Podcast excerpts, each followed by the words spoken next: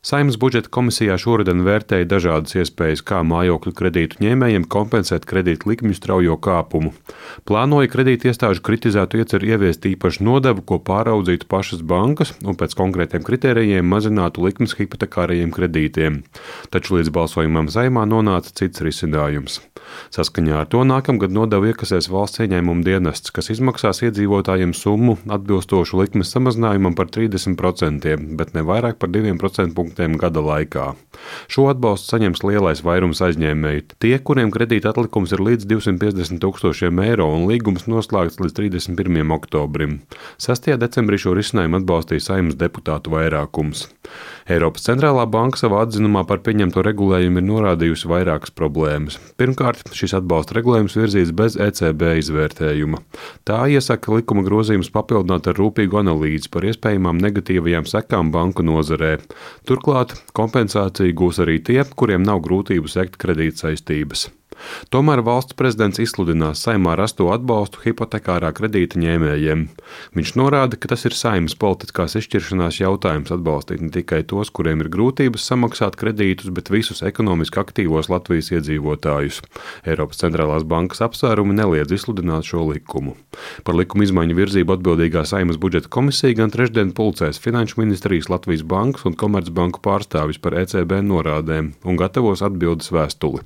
Stāsta komisija komisijas vadītājs Jānis Rērs no jaunās vienotības. Pirmšķietami liekas, ka, nu, protams, katram jādara savs darbs. Eiropas centrālā banka aizstāv banku sistēmu, bet eh, mums ir jāaizstāv savi vēlētāji. Un tas arī galvenais motīvs bija pieņemot šo likumprojektu.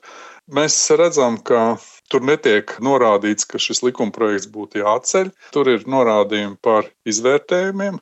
Trešdien tādēļ arī šī komisijas sēde būs un mēs vērtēsim. Lielākās komercbankas vēl nav izlēmušas, vai apstrīdēs šos grozījumus patērētāju tiesību aizsardzības likumā. Eiropas centrālā banka norādījusi, ka likumā paredzētā hipotekāro kredītu ņēmēju atbalsta dēļ nākotnē var būt mazāk izdevīgi kreditēšanas nosacījumi. Finanšu nozars asociācijas vecākais juridiskais padomnieks Edgars Pastars šo norādi komentē šādi arī mums ir viedoklis, ka tas visticamāk ietekmēs, bet tāda izvērtējuma, kas to parādītu, jau nav. Nevienam, ne mums, ne valstī, ne ECB ir bažas. Ja tā var teikt, ka tas visticamāk var radīt nu, tādu iespēju. Vai tas apturēs kreditēšanu pilnībā? Domāju, ka nē. Tā tas būtu pārāk skarbi teikts, bet es tā domāju, ka nē. Nu, noteikti kaut kāda piesardzība lielāka parādīsies, kaut kur varbūt kaut kādas arī izmaksas var pieaugt. To, ja ne, tu, nu, 90 miljonu uz visu sektoru viņi nepaliek neredzami. Kaut kur jau viņi parādīsies arī cenu pusē kādā brīdī. Latvijas banka jau sākotnēji vērtēja, ka atbalstam mājokļa kredītu ņēmējiem jābūt mērķētam tiem, kuriem tas visvairāk vajadzīgs.